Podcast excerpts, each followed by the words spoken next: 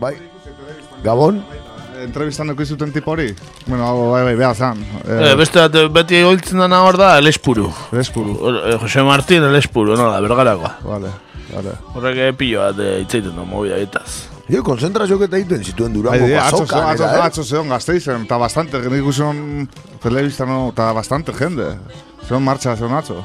Ah, Bai, eh? Bai, bai, gazteizen, eta zan, gero, ba, bukatzen zan, arabako... Foru aldundin, eh? epaitegi, Epaitegin. Es que foru aldundi gaina pagatu, o sea, Es que... estaba financiado por la diputación. El proyecto ese.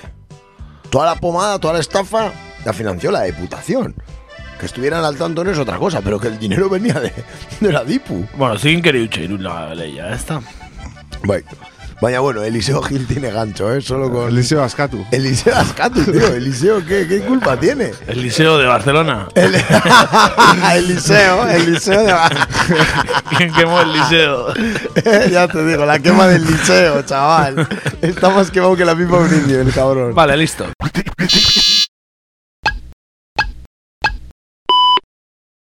San Justek, mila zazpiren da leragoita mairuan, galdetu zuen. Zer nahi, zer nahi dute, ez terrorea, ez da bertutea, ere onartzen ez dutenek? Galderari erantzun zioten, ternidoriarek. Ustelkeria nahi zuten. Alan badiuk, esplikatu zuen, anti-iraultzaiek nahi zutena. Pizka bat aberaztu nahi zuten pertsonalki.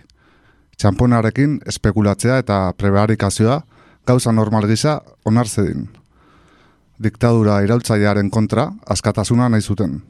Alegia, haien negozioak aurrera eraman eta negozio horiek estatu aferekin naztu nahi zituzten. Eta horregatik hartu zuten posizio irmo eta terroristen eta libertiziden errepresioaren kontra eta ongizeate publikoa soi kontuan hartzeko obligazio virtuzuaren kontra. Badiuk, garbi dauka, ustelkeria ezin dela demokraziaren joera desbideratu gisa ulertu. Bere esentzia bera dela ustelkeria. Horregatik, dira kontuan hartzekoak, David Fernandezek Rodrigo Oratori izan zizkionak. Zuk paisaia suntsitu bat sortu zenuen iraken. Eunda bergoita marmila hildako, inuzenteekin, eta beste eremu batzuetatik txiroen kontrako gerra batean parte hartzen. Espainiako estatuan paisaia suntzituak sortzen ere. Eta nire galdera da. Beldurra diozu? Ratok Fernandezi, nori, zuri? Eta Fernandezek, ez, egun batean milaka familiek bezala dena galtzeari, jendeari. Nazioarteko diru funtsaren aurreko zuzendariaren ustelkeria kasuetan bezala, komunikabidetan azaltzen dena ustelkeriaren soberakina da. Nazioarteko diru funtsaren existentzia bera da ustelkeria. Ustelkeria den bezala, abi- abiadura handiko trena. Espainiarrek, bergoita, bergoita mabi milioi, bergoita mabi mila milioi euro ordaindu dituztelako, uneko batak erabiliko duen tren baten lanak. Ezin da, abiadura handiko trena ustelkeriari gabe eraiki. Ezin da aldaketa politikoa gauzatu, abiadura handiko trena egiten jarraituko bada. Aldatuko da presidente bat, beste batengatik. Agian ez du ustelkeriaren soberakina erabiliko, baina ongizate publikoa soik kontuan hartzeko obligazio virtuzoaren kontra badago ustela izango da berdin. Hau, edo etxartek idatzi zuen, eh, e, 2008ko aprilian, baina gaurkotasun osoa du. Hemen azten da, gaur egur. Guten Tag, meine Damen und Herren. Entering the United States. C'est la lutte contre le terrorisme. Katea ez da eten. Agirre, garaikoetxea, reifaola. Gaur egur. Gaur egur. Gaur egur. Jolasten eta enredando.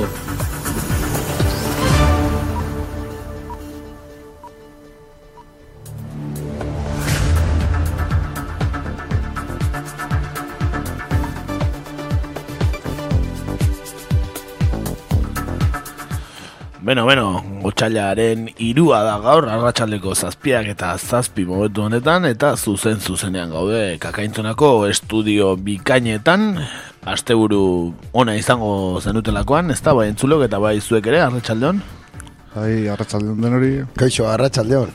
Ba, bai, dena ondo fundamentuz junda, eta, bueno, hemen txegare, bestea... Aztelen gogorra ez da, e, iruña beleiako epaiketa zioa da gaur, ez dugu horri buruztzen go, baina itzeiteko moduko kontua, eh? Bai, kontulatzak, ez, Eliseo Gil eta bere adizkideen asunto guztioiek, ez da? Bai, eta ga- gaur disidentzia eta guzti ganera, Eliseok, eh? Bai? Jasan duena, bai. Ba, ea zer rote dagoen, eh? Ze esku beltz edo zer dagoen horri itzalpean, eh? Jakin nahiko genuke. E, sokaren itzalako aurreko urtean egin zuten horri buruzko e, Saio bikaina irratsaio egin bat, bai, saio bikain bat. Baina, bueno, berriz ere aipatzeko moduko, agian eh, hurrengo batean ekarri beharko dugu Iruña Beleia den aldeko kideren bat, edo bentsat informazio pixkat aipatu edo, ez? Bai, bai, zer esan handia emango duen, epaiketa izango gara pentsatzen. Hori da, Eliseo Gudari herria zurekin, eh? Era. Guazen, ez du gorri buruz zeingo, guazen bertan gaur atalera.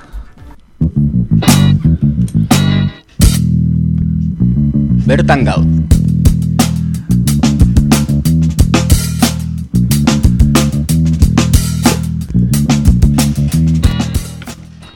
Bueno, ba, aurrera guaz, bai gure bertako kontuei, eh, helduko dugu orain kontan. Bueno, askotan eh, gure begi puntuan, ez, izaten ditugu azpiegitura erraldoiak, gure herriko agintariak garapen eta modernitate ikurtzat, saltzen dizkiguten hoiek, e, azpiegitura erraldoi hauetan proiektu izarra, denok pentsatuko duzuen moduan, babia dura handiko trena da, eh, Euskal Ligrekoa alegia.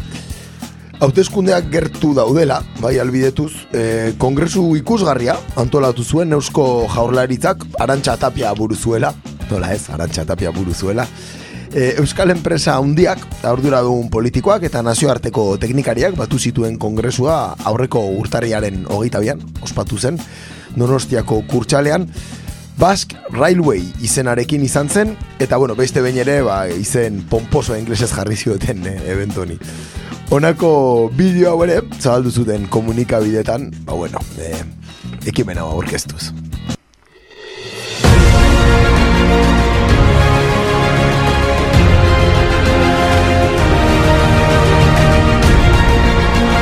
La comunicación nos hace mejores y Euskadi está completando el gran reto de la comunicación ferroviaria de nuestra era. La Y vasca. Nuestra fuerza económica, nuestra capacidad técnica y un decidido impulso político han hecho posible superar este reto de la ingeniería. Euskadi se ha convertido en el único gobierno regional de Europa capaz de afrontar con medios propios la construcción de una red de alta velocidad. Esta infraestructura nos une más a Europa, porque la Y nos conecta al corredor atlántico y a la red transeuropea de transporte. Un proyecto europeo, pero también de país, que une las capitales vascas mediante el tren Intercity y conecta nuestro sistema ferroviario al ancho de vía internacional por primera vez en nuestra historia. La nueva red ferroviaria de Euskadi recorre nuestro territorio cumpliendo con los objetivos de funcionalidad, calidad, ahorro energético, sostenibilidad y se está construyendo con el máximo respeto al entorno. La construcción de esta vía es un reto de la ingeniería, porque la mayoría del trazado discurre en túnel y viaducto.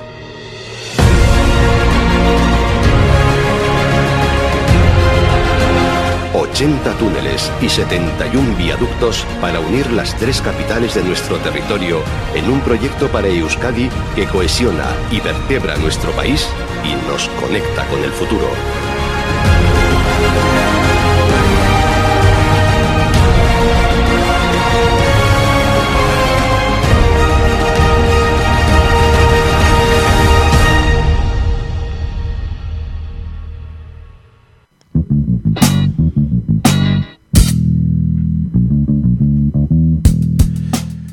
Bueno, eh, hortxe, bideo ezin epikoagoan, eh, HTaren nera guztiak aipatu berria, ez? E, Bai, bai, Zea musika jarri duten dana, eh? ematen du, ez dakit, eh, bigarren gerra mundiala irabazi duela Euskadik, eh? bai, bai, hori edo Mel Gibson datorrela, ez, falta eskozes batekin, ez da hor kanpan zehar, ez? Nos quitaréis la libertad. Ez da, ez Konfe. Eh, por cierto, hau hori jogur propaganda batean ere agertzen zan, baina bueno, dena dena. Eta, zera, eh, Euskal Herria laua izetarako hau da. Hori da, dana bideo, eske bideo dana la drona edo helikopterokin grabauta ematen du lau, Euskal Herria lau izetara bere garaian eh, asko igo. Ikusi izan eh, programa, ez? Bai, bai, ba, bai, bai. erderazko bertsioan bintzat, eh, hau zan, hotxa. La mirada mágica, edo, Hori da, ezta? hori da, hori da. Eh? Bai, bai, bai. Bueno, esan barra dago, bideoa eh, gaztelaniaz bakarrik dagoela, naiz eta pantailan agertzen diren hitzak euskeraz dauden. Bai. Bai, Baina, bueno, guazen banan bana aztertza bideo honetan esandakoak ez dira gutxieta. Euskadi se ha convertido en el único gobierno regional de Europa capaz de afrontar con medios propios la construcción de una red de alta velocidad.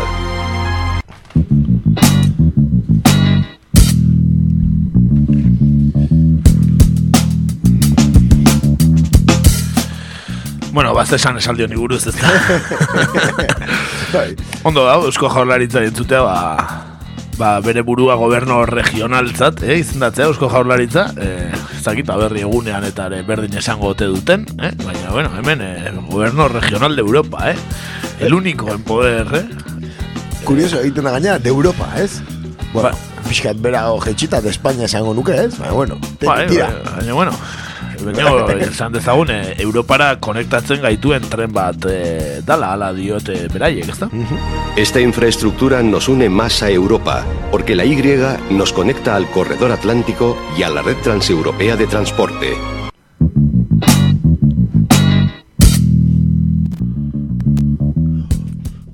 Bueno, eta Europara batuko gaitu tren honeko? Bueno, eh, argi dagona, Espainiako gobernu ziurtatu dela, Burgos gazteiz HT eh, zatia egingo dela, hau da Euskal Gigrekoaren Espa, eh, penintxularako balotura egingo da, e, baina argitzeko dago proiektua ba, endaiatik iparaldera joan gote den. Zeren Parisek eten da dauka egitasmoa jagingo dezuen mozela. Orduan, e, ez da aurre ikusten behintzat HTA ezakigun ez bukatuko den, baina hori bukatu eta gero ez da urrengo urtetan ez da aurre ikusten loturarik Europara.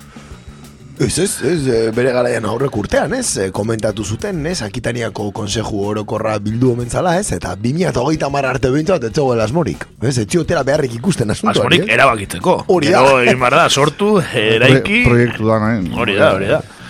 Beraz, eh, bueno, Europara konektatuko gaitu agian eh, urrengo mendean, ez dakit. Bai, e, e, Europara, baina egualderaka, ez? Bai, hori da, egualderaka, ia. Igual trukoa daka, eh, asuntoan. Igual esan lukete Afrikara konektatuko gaitu. Bai, izan daike, Ez ez? dakit. No, bueno, Gibraltar ere hor dago, eh? Ez, eh, Ah, Bai, hori ere Europa da. Epa, epa, bueno. bai, bai, eta benidor. Bueno, torre vieja. Bueno, agian, eh, de Espainiari asko gustatzen zaio ere bai, abide handiko trenakite, agian ingo dute lehenago Marruekosera trenez pasatzeko pasa eh, Frantziatik eh, Ingalaterrara daun bezala, ez da? Eh, ka, kaenen, onun da? ez da? kalen, kalen, kalen, kalen, bai, bai, bai. kalen eta dober, ez? Kale eta Hori, dober hori juntatzen dituen bezala, ba, Marruekosera agian leno konektatuta egongo gara trenez Afrikara, Europara baino, Europa iparraldera, behintzat, eh? Desde luego, posibilitateak gaurko guren berdinak dira, ez da? Bueno, en fin. Segi dezagun, bideo honek utzi dizkigun perlak aztertzen, Un proyecto europeo, pero también de país, que une las capitales vascas mediante el tren Intercity y conecta nuestro sistema ferroviario al ancho de vía internacional por primera vez en nuestra historia.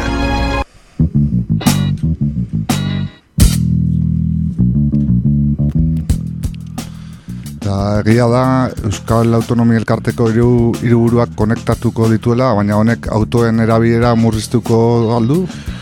Bueno, lehenengo aipatu behar da, ondo daula jakite eusko jaurlaritzaretzat las tres capitales vascas direla, eh? E, Bilbo, Donosti eta Gasteiz. Eh? E, beste lau hiriburuak ba, ez ditula kontutan hartzen, ezta?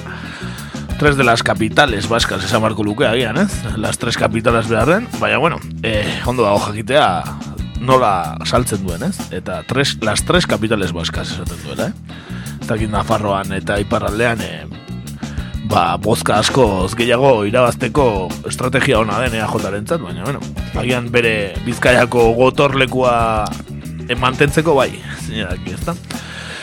Bueno, ba, Eusko Jaurlaritzak eh, esaten du e, berronda horreta mar kilometro orduko abideuran ibiliko diren amabos tren erosiko dituela eta honek eun lau postu sortzea horre ikusten du e, eta esaten du Euskal hiru hiriburu hauen artean hogeita mar minuturo zerbitzuak eman alko direla.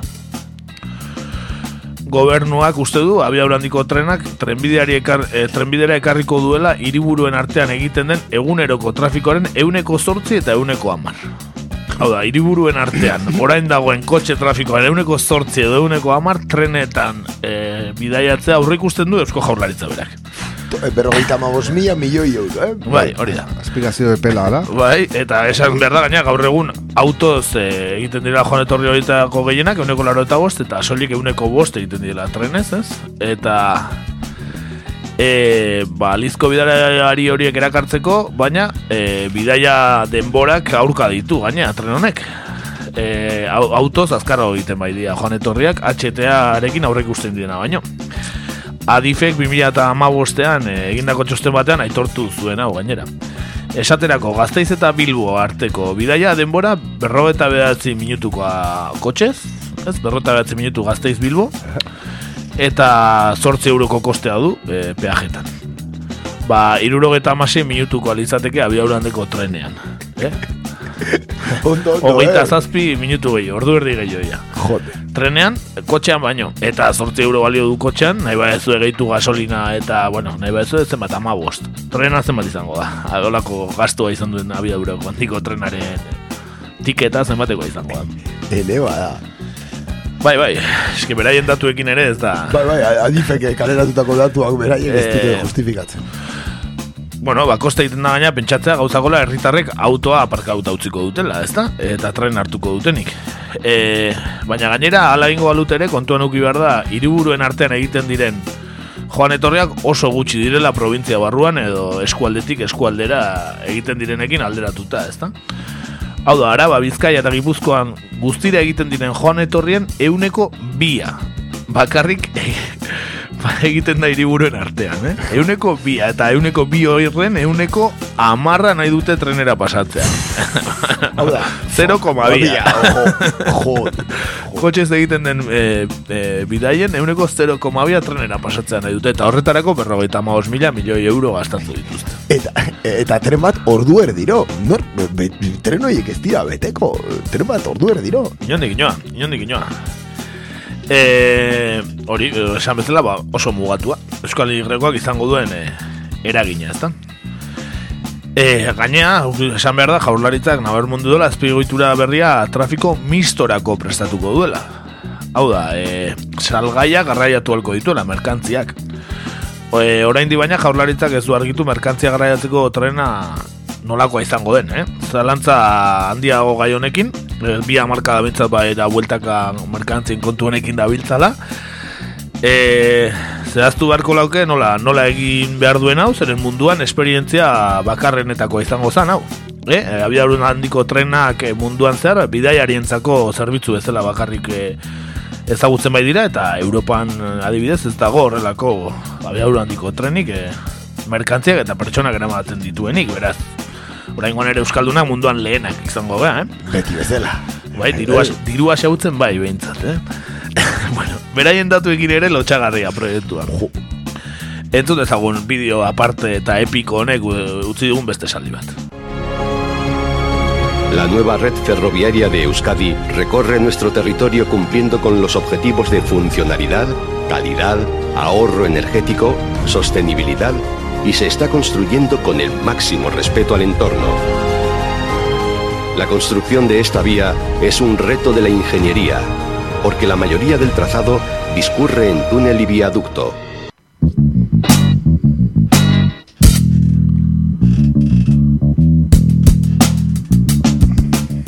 Bueno, ba, bai, ez, bideoak esaten duen moduan, ez, azken aldean, abiadura handiko trena, ba, transizio ekologikoaren ikurrere bihurtu da, ez da? Bai, ala nahi dute ez, e, iazko udan e, goratu dezagun jaurlaritzak klima larrialdia de, deklaratu zuela, eh? Eta ordutik ba, garrantzia handi hartu du gai honek e, sailburuen agerraldietan, eh? Agerraldi publikoetan, propaganda modura e, garrantzia handi hartu, gero ja, zer egiten duten, ba, justo kontrako, ez? Esan dugu orain dela bihazten, nola, donostian e, HT-ari buruzko Basque Railway e, ekitaldia antolatu zutela, ez? Eta han ba, laudorio ugari bota zizkioten proiektu honi, noski. Ea, adibidez, eh, arantxa tapiari entzun izan genion Euskadiko historian garraioaren karbono gabetzeari egiten zaion ekarpenik handiena da. gure herrialdearen transizio ekologikoan emandako jauzi kualitatiborik garrantzitsuena. Halaxe, esate zuen arantxatapiak, eh? Karbono gabetzean, eh? eh, eh? Ba, benetako iraultza ekarriko du atxeteak. Esan behar da, milatzen dela erogeita amarreko amarkadako proiektua den arren, eta amarkadaka hauen, hauetan ba, makina bat lore bota dizkioten arren, ba, koska bat egin duela gora bere goraipatze berde honek, ezta?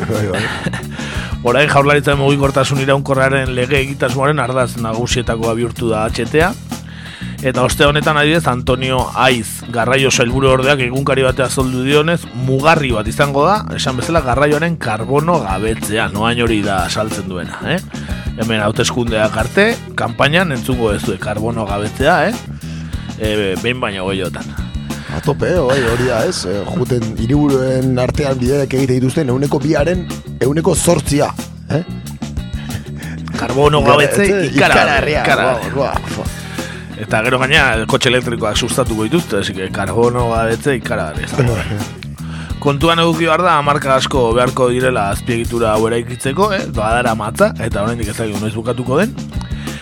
Eta egindako energia gastuak eta isurketak, e, ba, EHUko irakasle batzuk egindako ikerketaren arabera, ba, iru milioi tona CO2 e, isuri da. Edo isuriko da azpiegitura bukatzerako bakarrik eraikuntzan. Iru milioi tona CO2 beraz, haze karbono gabetze bikaina, eh? Bai, bai, jo, ja, ja, ja, asiera, defizitakin. Hori da, ez, eh, ez defizitakin ez, adituen arabera, sei amarkada beharko lirateke eh, horri aur, eh, horrei buelta emateko, eh? Gastu horri buelta emateko, ko, eh, ba, sei amarkada horietan, karbono gabetze hori ongo balitz, edo karbono isurketa murriztuko balitz benetan, Hala ere, sei amarkada, eh, adituen ustez beharko lirateke, eraikuntzan gastatu den karbono karbono isurketa hori berdintzeko. Beraz, bueno, karbono gabetze asko ere ez du ematen ekarriko duenik, eh? Eta guzti hau, beti ere, e, jaurlaritzak emandako datuekin eta hipotesi e, baikorrenekin, eh? Ezkorrenekin, ba, jakizu zen bat, eh? E, ezkorrenekin, eun urte gutxienez beharko lidateke isurketa horiek berdintzeko. Jo. Bai, bai, desde luego, hau bai, hau bai dala infraestruktura, ez? Erraldoien artean, txapelduna, eh? Bai, bai, txapelduna. Zentzu guztietan, eh? Bai, modu propagandistikoa, baina baita ere esan diren gezur guztien inguruan, ez da? Nola salduen eta ze marketinga egin zaion, ez? HT-ari. Bai, bai, eh, esaten dezun bezala, HTan transizio ekologikoaren ikur gisa saltzea gutxienez, gutxienez ausartegia. Bai, hoxe, gutxienez, eh? Gutxienez, izan? Hori da. E, oraingoz lana bukatu eta eraikuntzan egin diren isurketa handiak berdindu beharko ditu esan bezala eta horretarako berriztagarrien bidez elikatu beharko da gainera, eh? Garraio bidea arrakastatxu bihurtzen eta arrakastatxu bihurtu, ez? Izan marko du.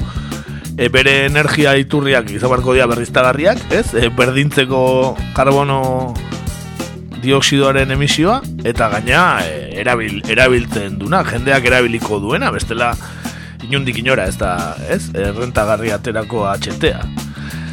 E, ez da izango inoraz ere erresa, adibidez, ba, jaurlaritzak aurriko dizkion bidaiari kopuruetara hurbiltzea. Jaurlaritzak dio, urtean lau milioi bidaiari izango dituela. Lau milioi bida, urtean. E, datu bat ematearen, adibidez, e, Bal Valentzia Madrid lerroa, potentzialki bastante erabiltzaile gehiago izan ditzakena, ez? Biztanleko puruagatik bakarrik, ez? Eta ba hiriburura joateko delako eta ba aurreko urtean 2019an 2,5 milioi bidaia izan ziren. jo, bueno. Desproposito hutsa, eh? Bata bestean atzetik. Es que el, Ez da la, nondik lauz heltzen. pavos datu ematea nahikoa da, e, benetan e, amiltzeko beraien e, diskurtso guztia, eh? Bai, bai, bai, bai. Benetan lotxagarria, eh? Gure garaiko Euskal Herriko, bueno, obra faraonikoa eta benetan eh, gauzari lotxagarrienetakoa, eh? Zalantzari gabe, eta gainera, bueno, i- ez amarkadakia, ez, eraikitzen ari direla, bueno, proiektuarekin hasi ziren, gero lanetan hasi ziren, eta oraindik reditua ematen du, ez, oraindik propaganda Noski, elementu importante bada, Jende ez. guztia alde dago, gainera, Hori da, hori da. alde, eh? Eta kuriosoa dana, gainera, herrietan, eh? Zatik, Ba, ba. claro, zu bilboko aldin batzea, esatu, bai, bai, ni kotxen juten naiz donostia, baina igual noiz baita hartuko, eh? donostira juteko, eh, urten behin juten naizenen derbia ikustea. Eh? Hori, ja, hori, holako, holako txorratako, bai, bai, Baina bai. herri artekoak, beraien, beraien herritako lurrak suntxitu ditu, atxeteak, Eur erdian kriston arrakala sortu du eta zertarako. Baita, junbarko ez du donostira, adibidez, biloa juteko, Hori da, hori da. Bai. edo gazteiza juteko. Igual, igual kotxartu hartu ezula. Edo... Eta guain, guaingo trenakin, gazteizea adibidez, berrogeita bost minutan aiatzen zea, o berrogeita marretan, oza, ez dauke zankaik ez buruik e, donostia jutea, seguramente gehiago tardauko don trena hartzea. Bai, bai, ez dauka inungo, ez dauka inungo zentzuik, ez? Ba, hori, bakigu. Honek, eh, horlako makro obrak zebe komisio eta zenbat, eh, kontu ekartzen ditun eta batzuk zenbat aberastuko. Hori hemen- hori hemen ez, eh? Ez, hori hemen hori hemen ez. Hemen oasian bizi gara De, motel. de Miguel eh, Hori, Kartlan da honetik ez. Hori, al- alba, alba, albazeteko, albazeteko ahetxetean, bai, baina hemen guan ez. Hemen bane, ez hori Valentzian eta baita, baina hemen ez. Hemen olako horik ez. Bai, laguntza sozial eta azkejatu gai dezen mesez. Bai, hori da, hori. Honek, hau ez da dirua xautzea, hau inbertsi, inbertsioa da. da.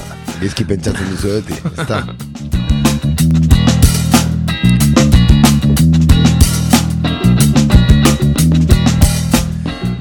Hala ere, eta komentatu dugu guzti hau kontutan hartuta, bueno, badatu guzti hauek eh, kontran izan ere, oso kongresu erakargarria, egin zuten kurtsalean, eta, bueno, ba, hain zeunden lasai, eh, ez zutela segurtasun neurria handiegirik ere jarri, Honela, ba, atxetearen aurkako ekintzaiek, behin baino gehiagotan eten zuten ekitaldeo.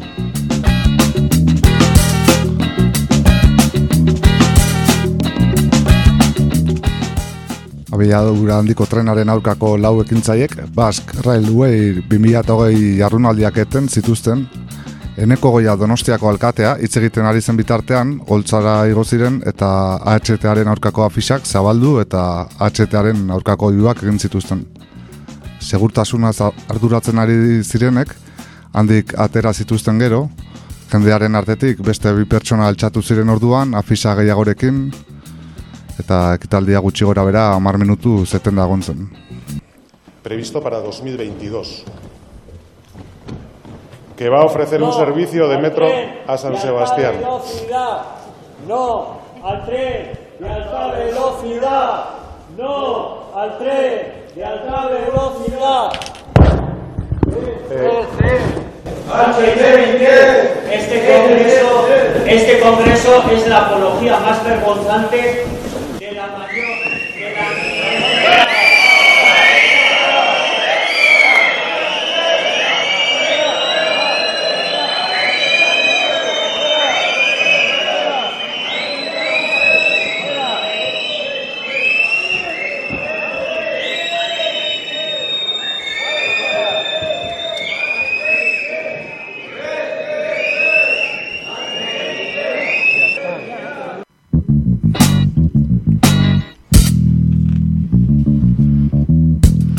Eta jendeak txistu, eh? Jendeak txistu, eh, baino ez atxetearen alde zeudelako, baizik eta kongresuaren ondoren zeududen eh, zizkamizkak eta jagoxa zeukaten eta gehiago luzatu hartzalako, eh? Hortxe, ez da, hortxe, bai, bai, arra, pixuzko arrazoi bat, eh, de hecho. Benetako pixuzko arrazoi bat. Eta horren guztiaren ondoren, goiak atxekabea adirazi zuen, eta esan zuen lotxagabe batzuek jardunaldiaten zutela, eta gaineratu zuen lau katu izan zirela. E, donostian, HTaren aurka gutxiengo bat dagoela esan zuen, e, berriz ere laukatu zirela esanez, eta modu nahiko patetikoan. Euren iritzia gehiengo bati inposatu nahi izan diote beste behin. Hori esan zuen goiak, protestaren ondoren hitza hartu zuenean berriro. Eta segidan, eh, HT-ari buruzko bideoa proiektatu eta gero, Arantxa Tapiak jaurlaritzako ekonomiaren garapen eta azpiegiturako sailburua hitza hartu zuen, eta momentu horretan beko eserlekuetan jarririk zegoen ekintzaile bat altxatu zen, eta HT-aren aurkako aldarriak ozen berriro jukatu zituen, eskuorriak botatzeaz batera, ekitaldi ofiziala berriro etenaz.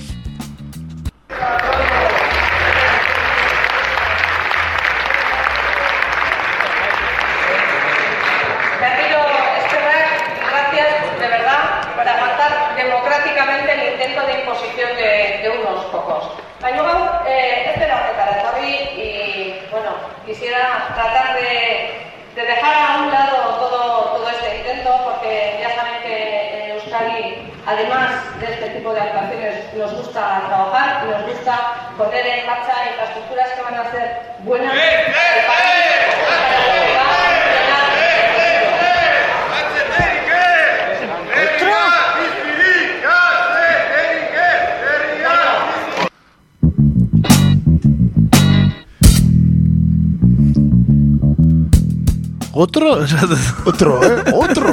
Ba, eskandalizau binda baten bat, ez Bai, da? bai, nos gusta hacer infraestructuras, hori... eh, Bai, doy fe. Bai, arantxa, bai. Hori argi daukau, que, que te gustan hacer infraestructuras eta telebistan ateatzea, hori argi daukau.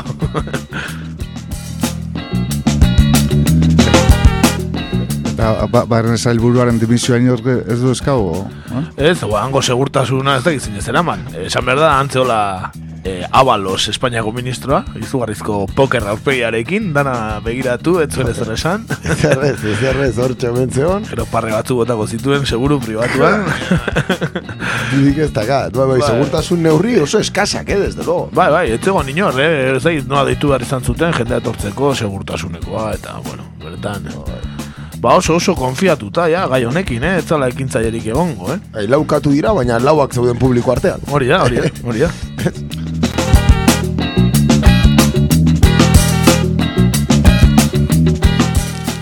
Bueno, eta audioan entzun dugun bezala, Arantxa Tapiak ere, inposak eta gizara hartu zuen protesta, eta esan zuen hori ez dela demokrazia. Eskerrik asko hemen egoteagatik eta pazientzia zagontatzeagatik, esan die parte hartzaileei Tapiak, Euskal Herria denon artean askatu beharko du ere aine, e, e, gaineratu zuen, eta gutxi batzuen iritzia inposatzea ez dela demokrazia. Demokrazia da, seireun pertsonak hemen gutxi batzuen hitzaldia entzutea. Historiarako esaldia, eh? Demo, gogorra, eh? Demokrazia da, seireun pertsonak hemen gutxi batzuen hitzaldia entzute, hori da demokrazia. Gogorra, eh? Bai, bai. Churchillek, eh? Bai, esan bai. dako ematen du. Eh? Eh, Bai, bai, uste bai, eh, bai, bai, edo Mariano Rajoyek, bai, bai, hietako bat. Artzinako Grezian, eh, hor, hau baino esaldio kaskarra entzute ziren ziurrenik, eh? Dena den, bueno, hemeroteka pixkat eginda eta labur, eh? labur eta gertura junda, gogora ezagun zenbat herrietan galdeketak antolatu ziren HTaren inguruan, jakiteko ea bertako jendea ados zegoen, eta ideia konfrontatu ziren galdeketa hoietan, eta galdeketa hoiek ilegalizatuak eta debekatuak izan ziren askotan, ez? Hori, bueno, ba, hortxe demokrazia, ez? Bai, bai, hori, hori ez da demokrazia. Be, hori gertatu da ez hainbeste, ari gara hitz egiten eh, orain dela amarrurte, amagost urteko kontu eta zez ordu. Ba, bai, eta hortikan urte gutxira EAJak bultzatu zuela eh, herrietan galdetu nahi zuela zera, e, atezatekoaren ko, e, atezatekoari buruzko galdeketak eskatu zituela, eh? Hori da, eh? Sufragi, eh? Sufragismoa erabat... Eh, Bai, eh? beak nahi duenean, Espotuz, eh? be, beak nahi duenean, bai, Bai. nahi duenean galdeketak, eta berak nahi ez duenean, e, ez da demokratikoa, inposaketa da, gaina, inposaketa dala esan, eh? Hori, Europa iparraldeko herrialdetan demokrazia selektiboa deitzen diote horrelako sistemei, bai? Bueno, Galdeketak gehi jakin batzuen inguruan egiten direnean bakarrik, eh? Benetan lotxagarria, benetan. Izugarri HTA-arena ja ez dauka ezanka ez bururik eta egin egingo dute gainera eta ez du inorre barkamenik eskatuko hemendik eh, egin eta hogei urtera esango duenean jendeak ezertarako balio ez duela, eh?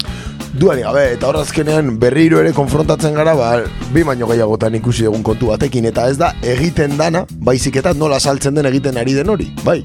Azken finean, diru publikoa xautzen denean, e, bueno, maia industrialean, HTA maia industrialean dalako, ez, berrogeita bos mila milioi euro, barbaria de bada, kontutan euki Euskal Autonomo Erkidegoko urte oso baterako presupuestoa gutxi gora bera amaika mila milioi euro diela, hau da, bost urtetako presupuesto osoa zari, ala? Bai. Ba bueno, ez, azkenean marketing kanpaina hon bat egiten danean, eta jendearen gana, ba, modernidadea eta ekologia faltsu horren ez, kontzeptuak saltzen direnean, ba bueno, ba, txikimendu bat eh, lortzen da, eta lortu dute, ez? Bai, ez dakit urrengoa ze izango HT horri e, ba, e, energia sortzeko HT horrentzat, ba, ez dakit, e, agian zentral nuklearra tokatuko da urrengoa, edo. Akaso, zentral nuklearrak hemen nahiko prentsa zatarra aga, ez? Egi esan, Bueno, ez? baina baina jota alde zegoen bere garaian. Bai, bai, nor daki, nor daki. ez? Nor daki. Diru ematen badu, alde agertuko dira, hori No, da, esan, lasai egon. Comeremos berzas y viviremos con velas, ez? Hori da. Arzaius guretako batek esan dako. La nueva Albania, ¿eh? La nueva Albania. Albania, hori da, la Albania de, del oeste de Europa y tal, ez? Bueno, ba, ba, lako hispanatek ere, ez, ba. Bueno, ba, beste behin, eh, arantxa tapia esan behar da, eh, eh, Railway jardunaldi hauetan egon zirela pot, ponentzia desberdinak, hitzaldi desberdinak, eta abar, ez, izlari desberdinak, mundutik estorritakoak, guak izue, ba, honeta, honi buruz asko dakiena, hau besteari buruz asko dakiena, eta abar, ba, hitzaldi guztietan, guzti guztietan izlaritako bat zan arantxa Benetan ikaragarria, eh? Hombre, gantxoa daka, ez? Arantxa tapia... Dakit, bai, ondo saltzen dute, behintzat. Ez dakit gantxoa duka, baina saldu ondo dite dute. Bueno, desde luego ETV-ko informatiboetan abonatuta dago, ez da? Eh, Ba, bai, legislaturako bono eman zioten. Bai, bai, Leicester baita pelotako transmisio gebeak ingo ditu. Bai, bai. Hain beste hori bota dutela, ez da, eh? Igual. Josean Tolosa bota dute eta arantxa tapia. Eh? Ixe, ez da. bai, bueno, ba, hemen txurtziko dugu zati bestela, gero ez da gehiago bereotuko gea. Bai, aurrea, bai, bai. Eta, bueno, esan eh, eneko goiari donostian ez dakit, baina urretxu zumarran laukatu baino goiago gaudela atxetearen aurka. Bai, akaso zena bat behintzat bagea, ez da? Hori da, hori da, hori da. Eta ezki itxasun agian gehiago, eh? Hor, eh, erdi erditikan trena nola jarri duten ikusita. Galdetu dezala bertan, ea, zer den inposaketa. ba, hola xe, guazen nazio artera bestela gehiago behotuko geha, eta gai honekin asko behotzen geha. Guazen.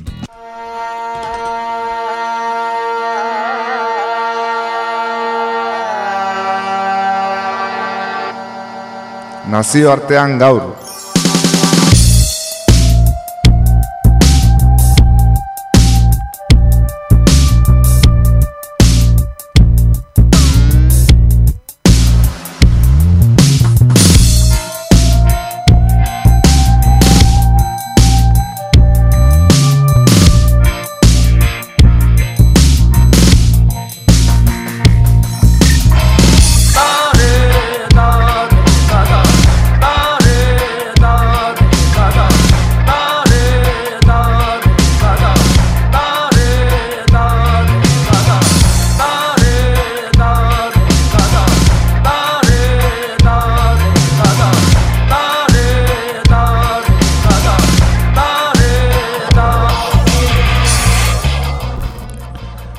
Nazioarteko atalean gaurkoan ia hogei urte atzera egingo du gaur egun gertatzen ari diren hainbat gertaera hobe ulertzeko balioko duelakoan.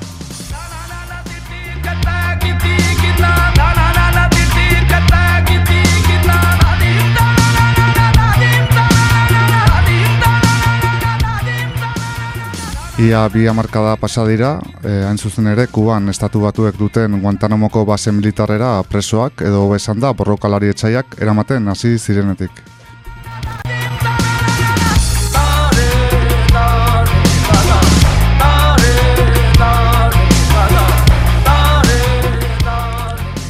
Urteetan zehar, Guantanamoren inguruan sortutako makineri legal administratibo eta militarra beste zeregin batzuetarako baliatzen ari da Donald Trump orengontan.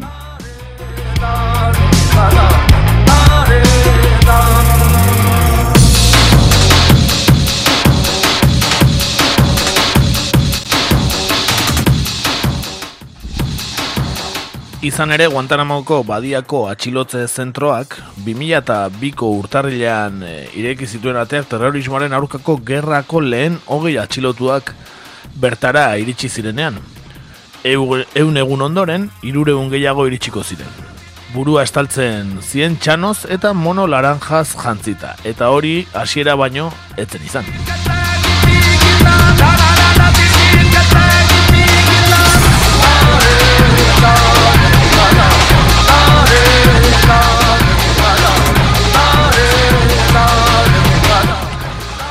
Une gorenean, berrogeita meretzi herrialdetako ia zortzireun preso izan ziren atxilotze zentroan, emezortzi urte geroago preso horietako berrogei, berrogeik bertan jarraitzen dute oraindik, horietako gehienak dudari gabe angeratuko dira. Kargurik eta epaiketari gabe bizitza osorako. 2008an Karol Rosenberg kazetariak betiko preso gisa etiketatu zituen preso hauek.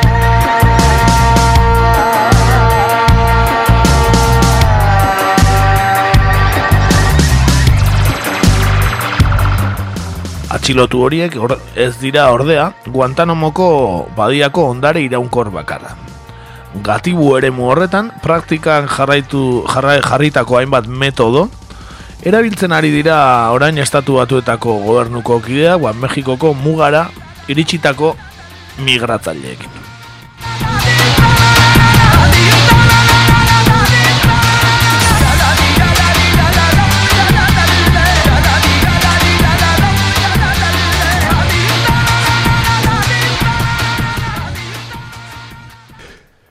Ba bai, esan bezala, e, hori da, ez, Guantanamon hasiera batean behintzat, ez, gertatutakoa, presoak eramaten hasi ziren, baina Guantanamoko gatibu zentroak, ba, bueno, urteetan bere existentzia bermatzeko edo, ba, bueno, mota askotako enkajeak, ez, bilatu behar izan ditu, eta kontzeptu asko ezarri zituen, bai, Guantanamoko atxilotze zentru horrek, e, gaur egun arte irauten dutenak. Bai, hau da, gauza asko ez dira bere garaian ez analizatu, baina gaur egun estatu batuek jarraitzen dituzte, bueno, jarraitzen dute erabiltzen, ez? E, adibidez, atxiloketan mugagabearen kontua. Bai, e, 2002ko urtarri arte, e, debekatuta zegoen. Estatu batuetako legedian, e, atxiloketan mugagabe kontzeptua etzen existitzen, Eta e, kargu eta epaiketarik gabeko atxilotzea, ba, de facto debekatzen du e, konstituzioko bosgarren enmendakin famatu horrek, eh? La quinta enmienda, La quinta enmienda. Pelikulatan agertzen den askotan, ez? Me atengo a la quinta enmienda. Hori da, ez? Ba, quinta enmienda horrek zer esaten du, ba, atxiloketa moa gabea, ez da la legezkoa. E, bueno, Guantanamoko preso gutxi batzuei, urtetara, bai, ba, abokatu bat, eta haien egoera errebisatzeko eskubidea eman bazai ere, e, oso gutxik lortu dute e, akusazio eskubidea sikiera, ez? Zerbait eta akusatua egoteko eskubide hori. Surge un M16 cuando iba rugiendo el aire el faro de una patrulla se vio volar por el aire Eta zer gertatzen da? Ba, bueno, gaur egun estatu batuek oso ondo aprobetxatzen dituzte egiten dituzten kudeak eta hauek eta bueno, ba, estatu batuen eta Mexikoko arteko mugan adibidez e, Guantanamotik ba, kopiatu itxatxi ez e, egindako neurriak ba, jarrita ezarrita dauzkatela bai, atxilotze zentruetan migratzaientzat Kontrol C, kontrol V, ez da? Hori da, kontrol C, kontrol V. Kontrol C Guantanamotik Ba, hoxe, ez? El pasora edo horko... Hori da, eh? Bertako... kontroletara, ez da? Hori da, bai. E, adibidek, ba, bueno, estali gabeko gunetan dituzte burdinezko kaioletan, eh, migratzaileak, e, militar armatuak dira zainketa eta zarduratzen direnak, e, migratzaile eta asilo eskatzaileek tratutxar fisiko ugari jaso dituzte, hainbat informeren arabera, eta akusazio hori gabe atxilotuta haude, migratzaile hauek ez dutelako e, deliturik leporatuta bai, bertan, bertan egoteko. E, Guantanamon, bai, bere garaian, e, adingaben eta adin nagusien arteko diferentzirik eginetzen moduan, bai, legearen aurka beste behin ere, ba, bueno, fronterako atxilotzen emutan ere ez da diferentzirik egiten. Hau da, umeak eta nagusiak edozein modutan e, leku berdinetan dituzta txikituta. Nunca se supo, nadie los fue a reclamar e, baina hau dena munduko lehen demokraziaren barnean, ezta? E, bai, bai, bai, mundu, mundu librearen, ez? E, gidaritzapean, gertatzen ari da. Legea galdatu, lege berriak egin eta aurrera. Eta listo, bai, bai, eta, eta horrela izan da, beste hainbat aspektutan ere, e, badago aspektu bat ere, e, bueno, errepikatzen dena edo areta okerrago dana Mexikoko fronteran gaur egun, adibidez, osasun eskubidearena, ez? E, Guantanamon, modu testimonialean, ez? Bazan ere, e, gurutze gorriko nazioarteko komitearen sarrera bermatu behar izan zuten, noski beraien iritziaren kontra, gerra garaian e, sortutako atxilotze zentro bat delako, Guantanamoko zentroa, eta beraz, ba bueno, hainbat e, itun e, internazionalen arabera, gurutze gorriko nazioarteko komiteak, ba bueno, akzesua euki behar duela leku horretara. Ez? Zer garra ontzan Guantanamon ba? Eh, hoxe bera, ez? Zer gertatu zan Guantanamo, ez? Gerra garaian izateko, ez? Bai, hori da. Bueno, aquí zuen bezala, hoxe, ez? Afganistanetik, iraketik eta urrutiagotik ekarritako, ez?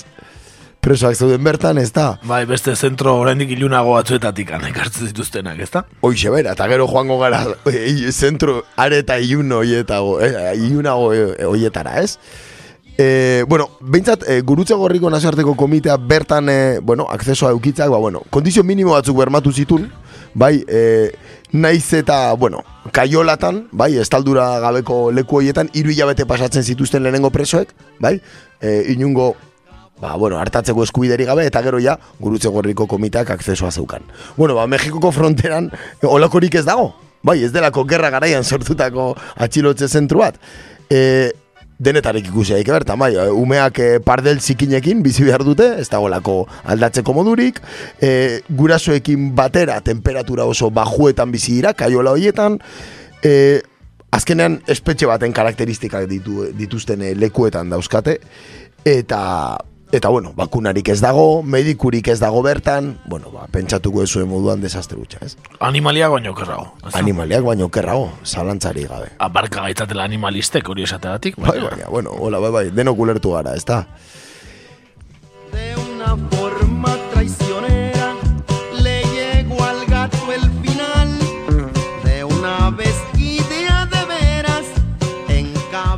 Eta honen nolatan dago estaldura legala ba, hau egiteak. Ba, bueno, hor prozesu nahiko, ez, elaboratu bat egon zen. E, bueno, lehenengo hizkuntz legal berri bat sortu zuten, bai? E, bueno, helburua zein zan, ba, bueno, legea saiestea noski, ez? E, garaian zegoen legea, estatu batuetako legea saiestea. Eta e, bertan zeudenak, preso izendatuz gero, ez, Guantanamon zeuden pertsonoiek preso izendatuz gero, e, gerra presoak izango ziren, bai? E, Ginebrako hitzarmena aplikatuz, bai? Ordun zer egin zuten? Terminologia berri bat asmatu zuten eta borrokalari etxaiaren figura juridikoa sortu zuten. Kombatiente enemigo esaten dana erderaz. Bai? Garai hor arte existitzen etzana. Nola kombatiente enemigo ziren eta ez gerrako presoak, e, ba bueno, Ginebrako hitzarmena ez zitzaien aplikatzen. Venga, hitz berri bat eta ja está. Lege, lege berri bat beraientzat, ezta? Beste disparate bat adibidez, e, zeldetan ezin ziren egon, bai, nazioarteko itunek ala esaten dutelako. Bai, zeldetan balima daude, gerra presoak dira. Zer egin zuten, burdinezko kaiolak eraiki aioan eta gero Guantanamora eraman. Orduan, zeldetan etzeren ez, etziren gerrako presoak. Hau da, trikimaioak egin zituzten nazioarteko legeak pixkat, ba, saiesten juteko. Ez? Noski, burdinezko kaiolak zelda baino asko zobea dira, ezta? Ah, zalantzari gabe, koa pentsauko ez eh? Guantanamon egiten duen beroarekin, ez? E, gaur egun arte, de hecho, borrokalari etxai horren figura mantentzen da. Bai, e, kasu orain dela e, aste batzuk komentatu genuen e, Kasem Suleimaniren hilketan adibidez. Bai, justifikazioa izan zen borrokalari etxaia zala eta horregaitik dron batekin akatu zutela. Beraz, terminologi hori mantentzen da.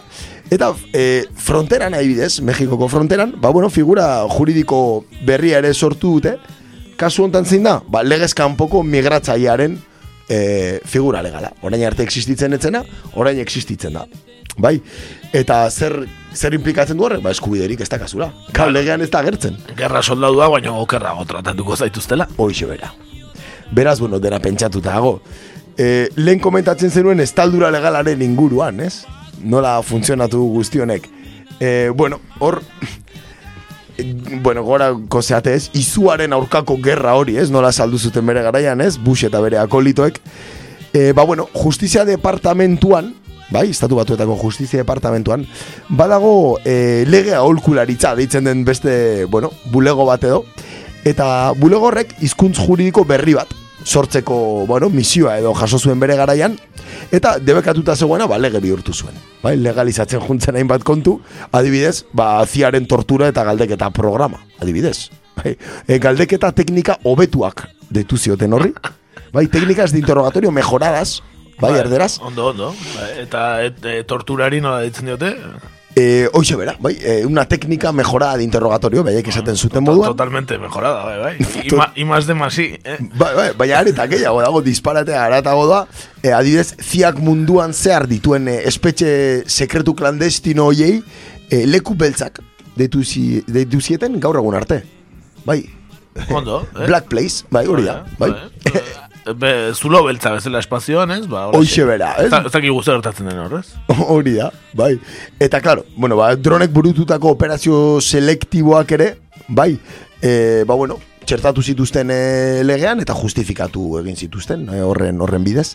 Lege aholkularitza departamentu horrek, e, ba, bueno, landuta edo, ez? Ah, hizkuntza berri bat sortu eta lege berriak egin eta está, aurrera.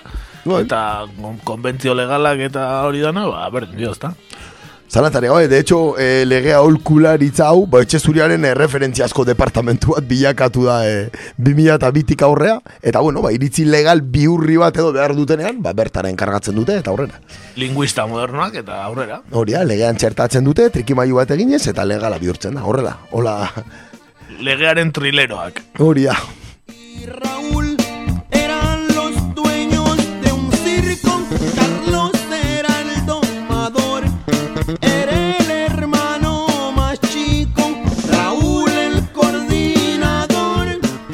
Benetako zirkoa hau ere bai. Zirko ikaragarria. Bai, e, de hecho, bueno, bere garaian hartu ziren tendentzia batzuk jarraitzen dute, bai, kasu ba, e, profesionalen marginazio edo destituzioak, bai, e, gaur egun Trumpek, ba, bere erabakiekin ezagostasun politikoa, ez, izaten duten, edo izan duten eundaka pertsona baztertu ditu, ez, e, agentzi eta departamentu diferentetatik, ez. Ba, ematen du hau, ez, kontu hau Trumpek asmatu duela.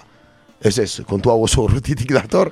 De hecho, 2002an, e, Guantanamo zabaltzean, garaiko defentsa idazkariak Donald Rumsfeld, gehienak gogoratuko duzuena, bai? E, pertsona gutxi batzuk izendatu zituen, e, Guantanamo zuzentzeko eta zuzenean berari informazioa pasatzeko. Hau da, ardura kate guztiak saltatu zituen eta kontaktu zuzena zuen bere pertsonekin, ez, terrenoan. E, modu horretan, lehenengo gauza, bere aginduak ba, betetzen etzituztenak ba, baztertu egiten zituen, eta eta bueno, beste batetik, ba, ez zituen disidentziak aurkitzen, adibidez, e, gozegreban, adibidez, zeuden presoak, ba, indarrez elikatzeko orduan, bai, askotan gertatu zen moduan, ez? Eta gaur egun, ba, bueno, Trumpek pixkat patroi hori jarraitu du, eta eta bere jendea jartzen du departamentuetan, eta teknikoetaz, ba, ba, paso egiten du, desente. Behaien guardia suizoa, ez? Montatzen dute, ez? Edo, Uixo, edo SS-ak nahiago ez duena. Bai, bai, hori da, hori da, bai, bai, komparablea, desde luego, ez? Carlos desapareció. Se les vino el Pentsatzeko haulako lanetarako militarrak ere izango dutela e, papera. Zalantzari gabe, eta hor txago pixkat asuntoa, bai, militarriek euki duten paperean, bai. E, atxilotze lanetarako e, indar armatuen erabilera egitea, erabaki zuten, 2002an, eta badago episodio bat nahiko degarria dana, 2002an, e, armadako komando zentraleko buruak, Tommy Franks, generalak, Donald Rumsfeldi eskatu zion bere tropak ondo aprobetsatzeko e, atxilotuen zaintza lanetan e, erabiltzean, ba, etzala hori gertatzen, eta mesedez, ez? Militarrak frontera bidaltzeko eta aurkitzeko beste pertsona batzuk zaintza lanak egiteko, ez? Preso, e, bueno, presondegietan, ez? Bai Afganistanen, Iraken eta baita ere Guantanamon. Ez zala behaien lana, ez? Esan zion. Hoixe bera, bai, bueno, Donald Rumsfeldek pentsako ezue, kasurik etzion egin, eta... Zera Jaliburtoneko jarri zaizken, nola zanura? Bai, Dick Cheneyren enpresako, ez? Halliburtoneko kontratista, ez? Horietako... Mertzenarioak, ez? Hoixe bera. E, ba, Donald Rumsfeldek zer egin zuen, ba, bueno, Guantanamoko zaintza, estatu batuar armadako lau adarretatik hartutako militarrekin osatu zuen. Beraz, bueno, kaso gutxi egin zion. Eta e, aitzakia zein izan zen, ba, bueno, aurretik e, legea betetzen ez zuten militarren zaintzan ibilitakoak zirela. Hau da, militar batek infrakzio bat egiten zuen, eta zaintza, zaintza bat antolatzen zioten, bueno, ba, zainketa horietan ibilitako militarrak Guantanamora bidali zituzten.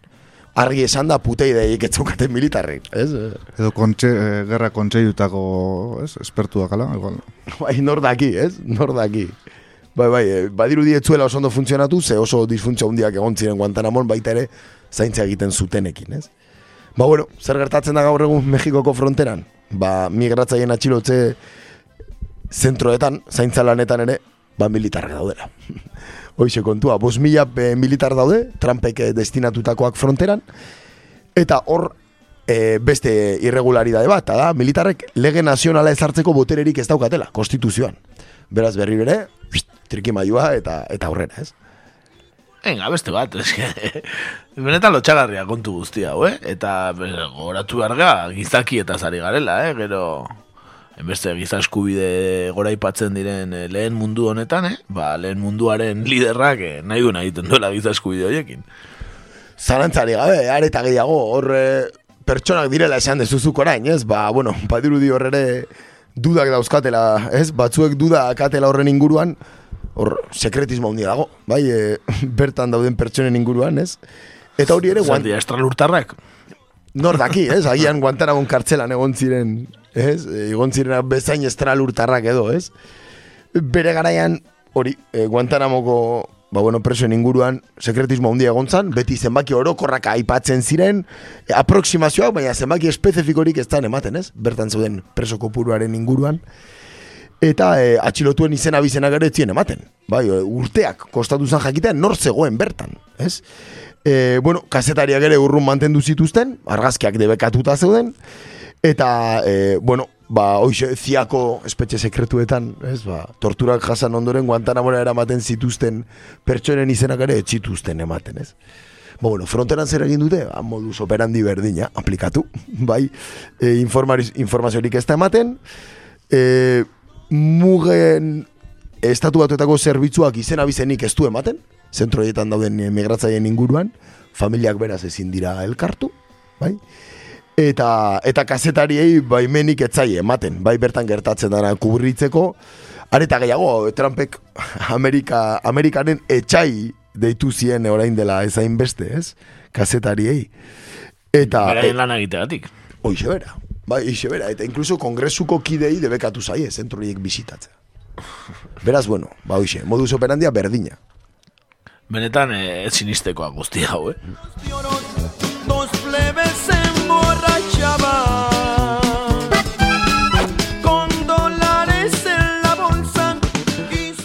Eta hainbeste kritikatu duen eh, nazio, nazio batuen erakundeak eta bar, ba, horko itun guztiak eta ala torera saltatuz, ez, Donald Trump? Bo, kompletamente, bai, Bushek bere garaian e, bidea egin zion, eta berak, ba, bueno, jarraitzen du bideo horretatik, ez?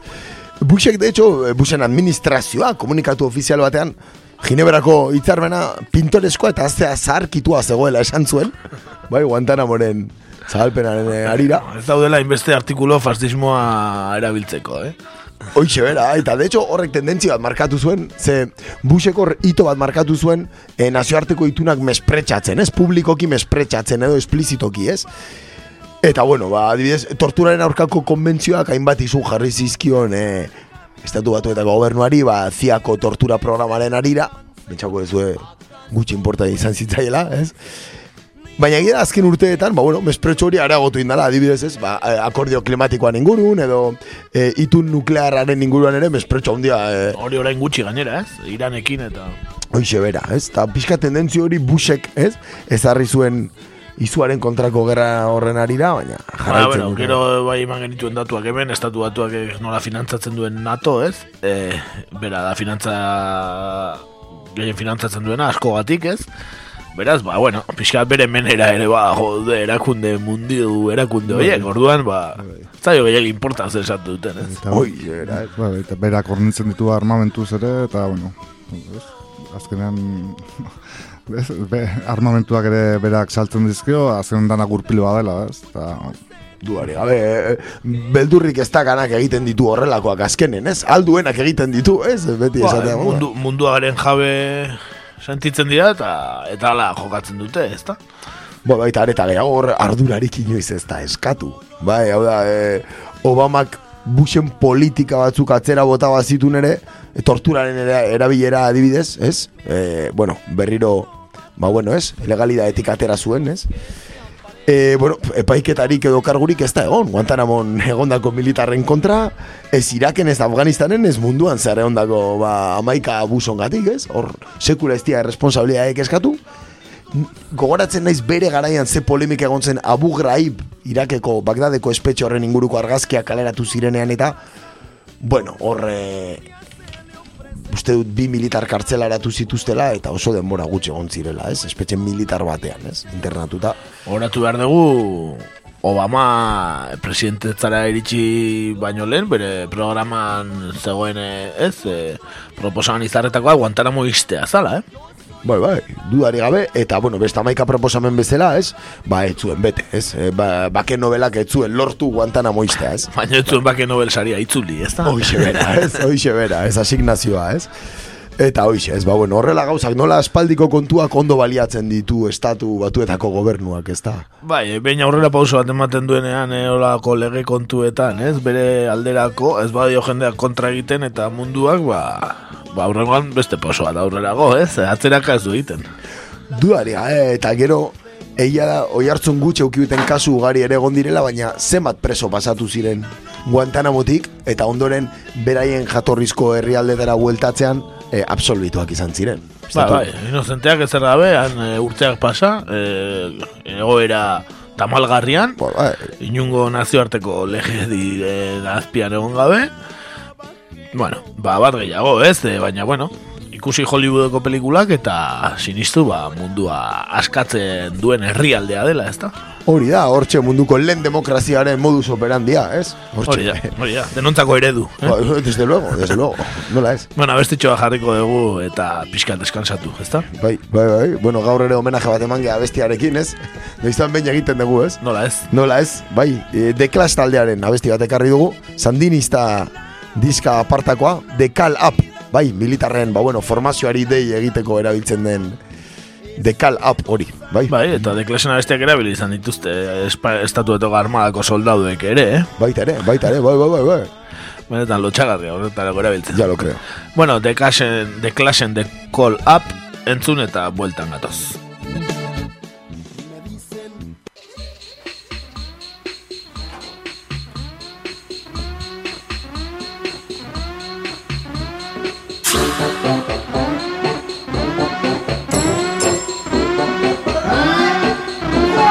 아!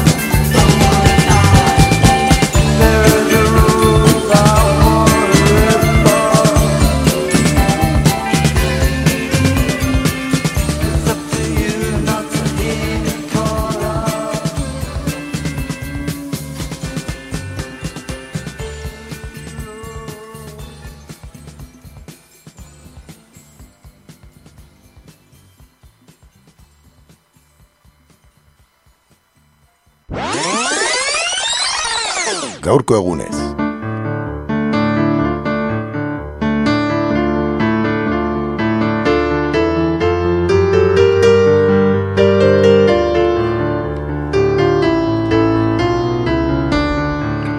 gaurkoan e, ba, sovietar batasunera e, joango gara e, atzoko egunez amaitu baitzen otxailaren bian e, orain dela irurogeita mazazpi urte Stalingradeko gudua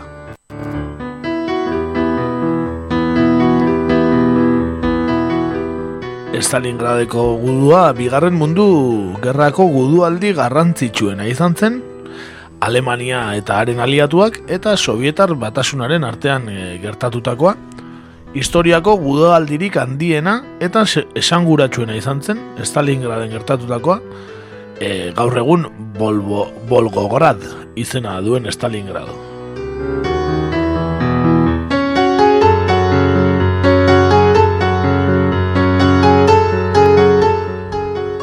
Gudua mila batzen da berrogeta biko abuztuen hogeita batean hasi zen, eta mila batzen da berrogeta iruko otxailaren bian amaitu.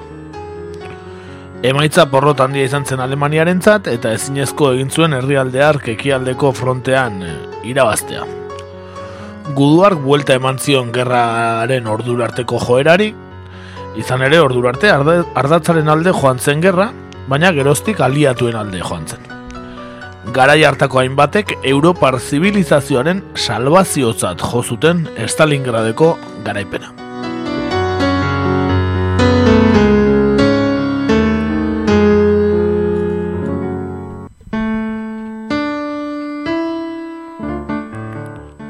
Horiz, e, zuk aipatu bezala, oen dela iru eta mazazpi urte izan zen, Stalingradeko gudu famatua. E, aditu askoren iritziz, ba, historiako, e, bueno, e, historiako, ba, egoen den gatazka militarrik e, handiena izan da Stalingradekoa. Eta, bueno, dakizuen bezala, Alemaniak Sovietar batasuna inbaditu zuen, pixat aurrekari bezala jartzeko, nondik etorri zen Stalingradeko gudua.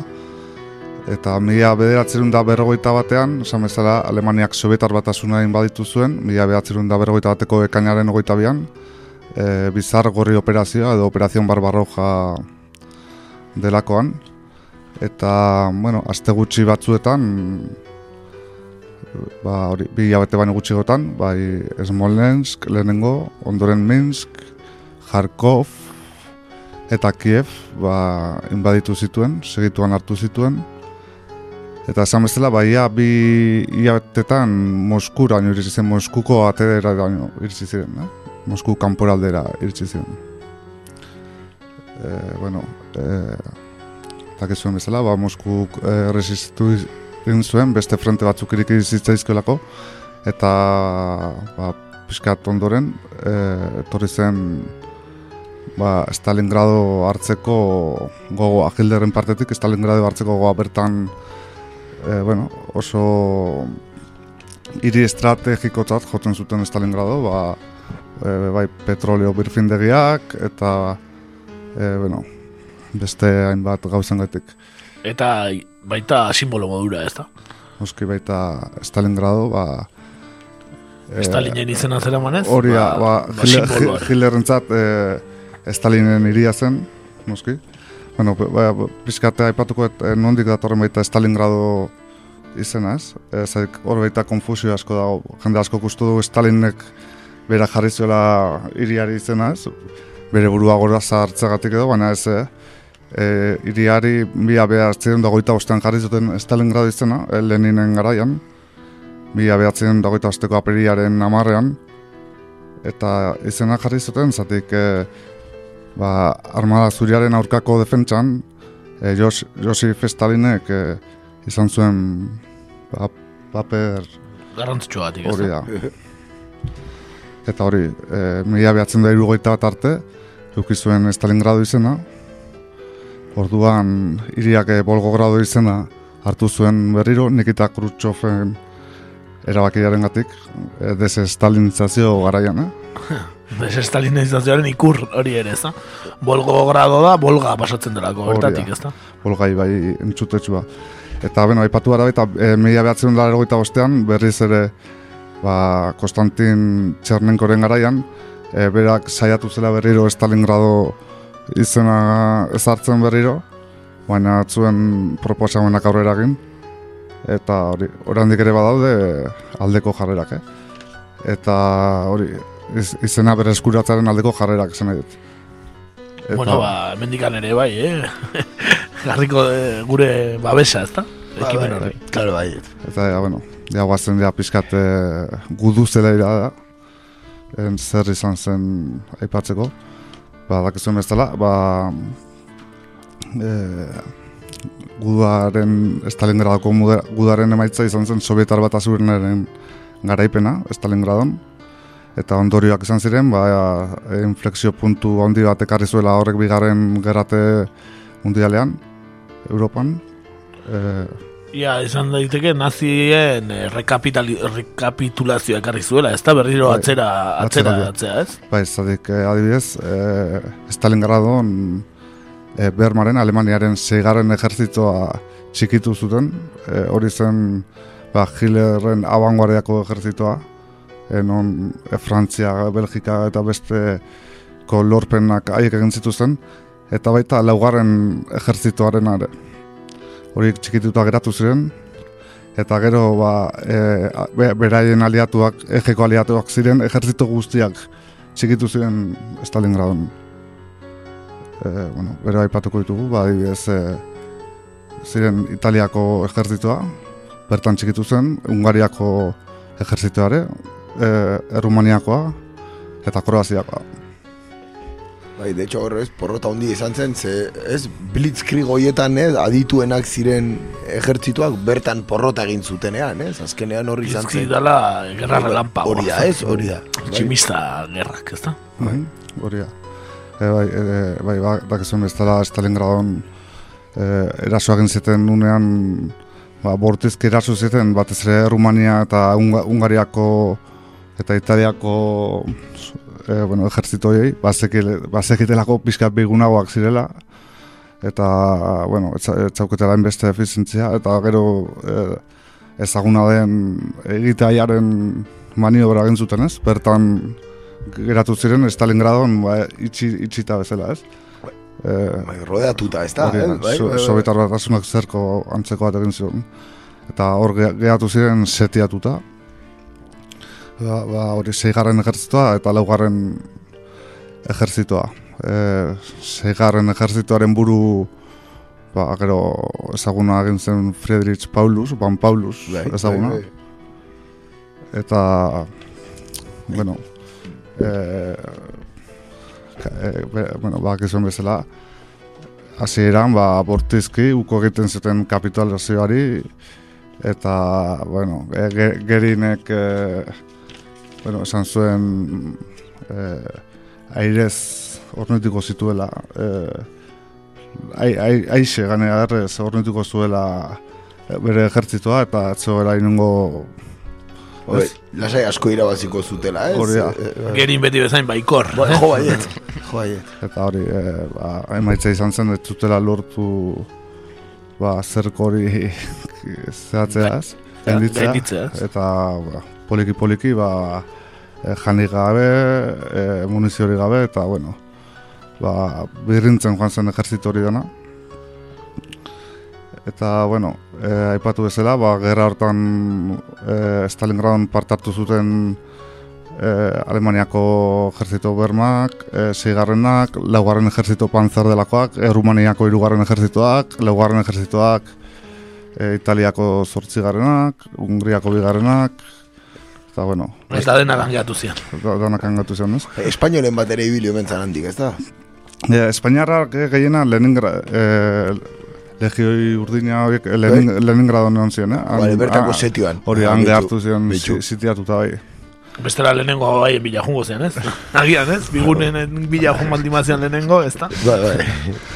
Eta hori, e,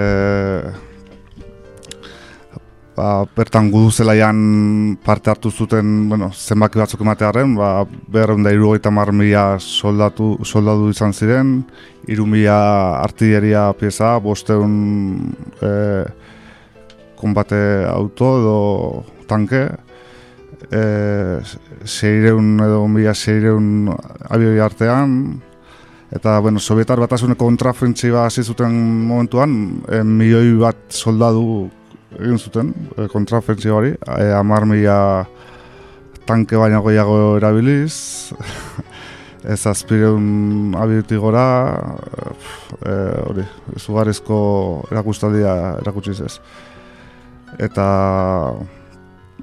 hori, gutxi gora bera, e, zifra batzuk ematearen, e, hildako zifra batzuk ematearen, ba, Alemaniako beronda irugaita irun bila soldadu, gero beste laro eta mar mila eh, atxiloturik edo gerra preso bezala geratu ziren, bak ez bezala eh, Siberia alderatz bi- bidali zituzten. Porretan. Horreta, bai, gulagetara, ez?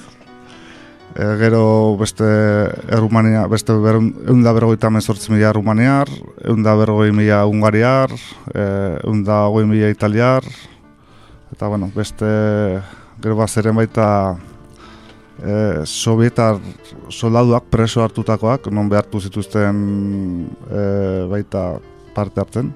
Beste ho- horietako bergoita mar mila baino gehiago hil ziren baita. Eh? Eta, bueno, e, guztira Stalingradon milioi bat eta bosteun mila pertsona. Eh? Milioi eta erdi, eh? Hortxe. Bakarrik. Stalingradon, ez? Eta, de, de hecho, ez, badirudi ez zeukatela, ez? E, e, Hitlerren agindua izan zela, ez? Baina bere ejertzitoko edo armadako goikarguen babesik ez zeukala erabakiak, ez da, ez? Atzera botatzeko esaten ziotela, ez? Stalingradora zertara jungo gara, ez? Osa, bere erabaki pertsonara izan omen zala, ez? Azkenean e, bertako ofentsiba... Beak uste zuen Stalingrado ira- irabazita Sovietar Bai. batasuna garaituko zuela, ez? Hoxe bera, eta kontrakoa getatu zen, ez? Eta bere bukaeraren hasiera hasi zen, bera, ez? Bai. Bai, eta hori, eh, esan bezala, ba, ofizialki eh, Ban Paulusen, bueno, eh, generala urtarriaren hogeita bat, hogeita maikan errenditu zen, bere ejertzitoarekin, eh, naiz eta gero ondorengo gunetan, errenditu gabeko fakzio batzuk, eh, bueno, iraun zuten gudan, baina eh, ofizialki otx- otxaiaren bian errenditu ziren. Eta gero eriotzera zuten, ez? Edo? E, e, e, Ban Paulus, ez, ez, ez, Ban Paulus, e, bueno, e, gera, gera e, prisionero bezala eraman zuten, eta e, bera ganea etzan, etzan ez ez ez ez da ezer, e, gerra generala zen, eta e, daukaten informazioan arabera e, er, Alemaniako Errepublika Demokratikoan bizi izan zen, eh? Ah, bai, eh? bai, hilarte. Osea, que bai, Bai, de hecho, gaina, okerrez banago, Bon Paulusek e, bere garaian Stalinen seme bat atxilotu zuen, bai, e, operazio batean hor, e, e, ba, Moskura bidan zijoazela, eta, eta askatu egin zuen. Ba, gero Stalinen seme bat bintzat egon e, konzentrazioaren batean, ez da? Berlinetik gertu dagoen e, Sachsenhausen, eh? Baita ere ez, de hecho Stalinek ia familia guztia galdu zuen kontu honetan, ze beste seme bat ere gerra niltzen. Bai, et, e, Stalingradon ezakit galdu zuen ze... Uste, seme no, bati no, no, galdu zuela hor, eta alaba suizidatu egin zitzaion. Beraz, bueno, desastre bat izan zen e, e, Josif Stalin entzat pertsonalki diot, eh, kontu guztia. Bai, eta herri malde modura ere, bai, baina, bueno, ala ere, gero hor, hor e, naziak garaitu eta gero Stalingradoan, ba, atzera etorri eta ia Berlineraino iritsi ziren sovietarrak. Zeren eh, Hollywoodek esango duenaren aurka Bigarren Gerra Mundiala Sovietar batasunak irabazi zuen Zantzere, e, eta bere herriak, ez? Ogeita bi milioi hildako, ez? Sovietar bandoan, ez? Bai, bai, hori da. Elareun da laro gehi mila Amerikar biltziren. Konparazio bat egitarren, eh? Bai, bai, eguneko bosta ere ez e, Ba, Bai, ba, hori ze, pixka bat... Oroitzapena, eh? Bigarren gara mundialak beti dakar. Kontu asko aipatzeko, ez da? Bai, bai, bai, bai, bai, karretea ematen digu gainera, ez da? Ba, hola, xe, abestitxo bat jarriko dugu.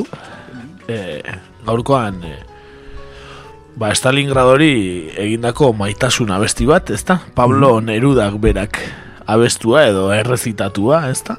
Bai, e, kontuan hartu behar da, ba, e, Nerudak e, poema hori edo egin zuela, ba, Stalingradoko gudua gertatzen ari zen garaian, ez? Momentu horretan, ez? Osea, horrek inspiratu zuela, eta pixka kon, kontestu hortan e, ulertu behar da. Eta kontestu hortan egin zuen kanto de amorra Stalingrado, Pablo Nerudak eta hori sentzungo dugu.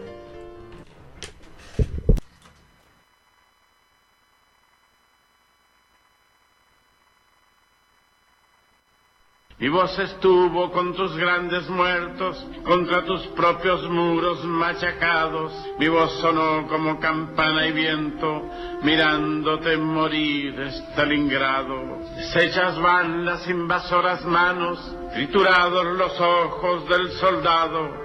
Están llenos de sangre los zapatos que pisaron tu puerta, Stalingrado. Acero azul de orgullo construido tu pelo de planetas coronado, tu baluarte de panes divididos, tu frontera sombría Stalingrado, las condecoraciones que tus muertos han puesto sobre el pecho traspasado de la tierra y el estremecimiento de la muerte y la vida Stalingrado, la sal profunda que de nuevo traes al corazón del hombre acongojado con la rama de rojos capitanes salidos de tu sangre Stalingrado, la esperanza que rompen los jardines como la flor del árbol esperado, la grabada de fusiles, las letras de la luz Stalingrado. La torre que concibes en la altura, los altares de piedra ensangrentados, defensores de tu edad madura, los hijos de tu piel, Stalingrado, las águilas ardientes de tus piedras, los metales por tu alma amamantados, los adioses de lágrimas inmensas y las olas de amor, Stalingrado, los huesos de asesinos malheridos, los invasores bárbaros, cerrados y los conquistadores vivos detrás de tus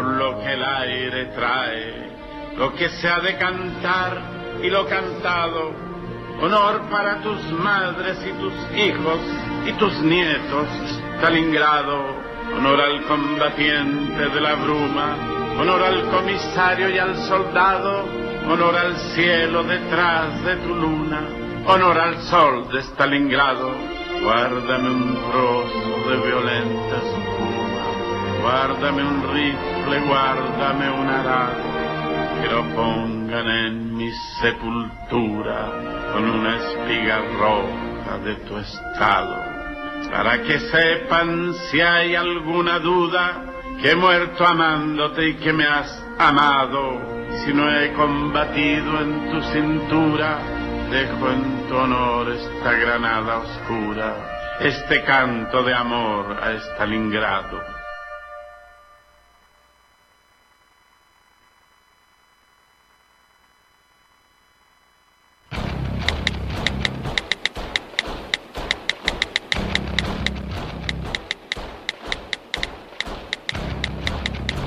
und das deutsche Volk siegt ein! Siegt ein!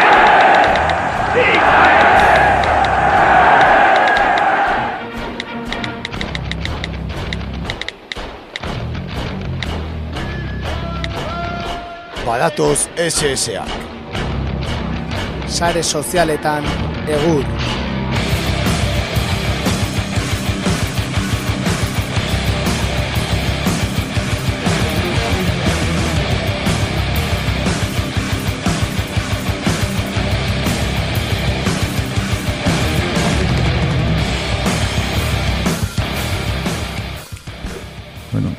Iruzkinak eragin ditu Julian Jantzi telebistako aur aurkezleak sare sozialetan eginiko proposamen batek.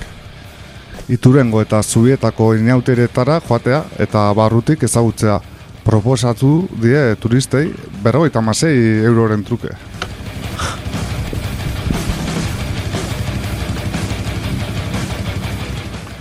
Aukera duzue inauteri ospetsu hauek ezagutzeko, baina barrutik. Idatzi zuen jantzik bere Instagrameko kontu ofizialean.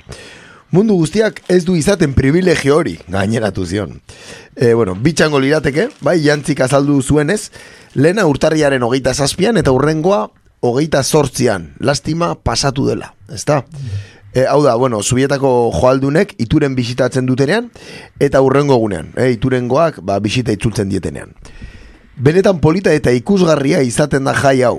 Ikuskizuna benetan paregabea da, eta urtero hau bete hortz uzten dute jendea gaineratu zion Julian Jantzi gure lagunak.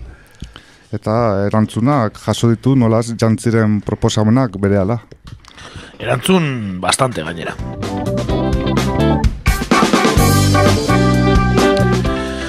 Esan behar da, itxaslur bidai agentzia dagoela egitasmonen atzean, eta bereak dio, hau turismo iraunkorra da. Euskal Herria ezagutzera emateko egiten dugu, ez dago besterik, eh? Julian Jantziren hitzak.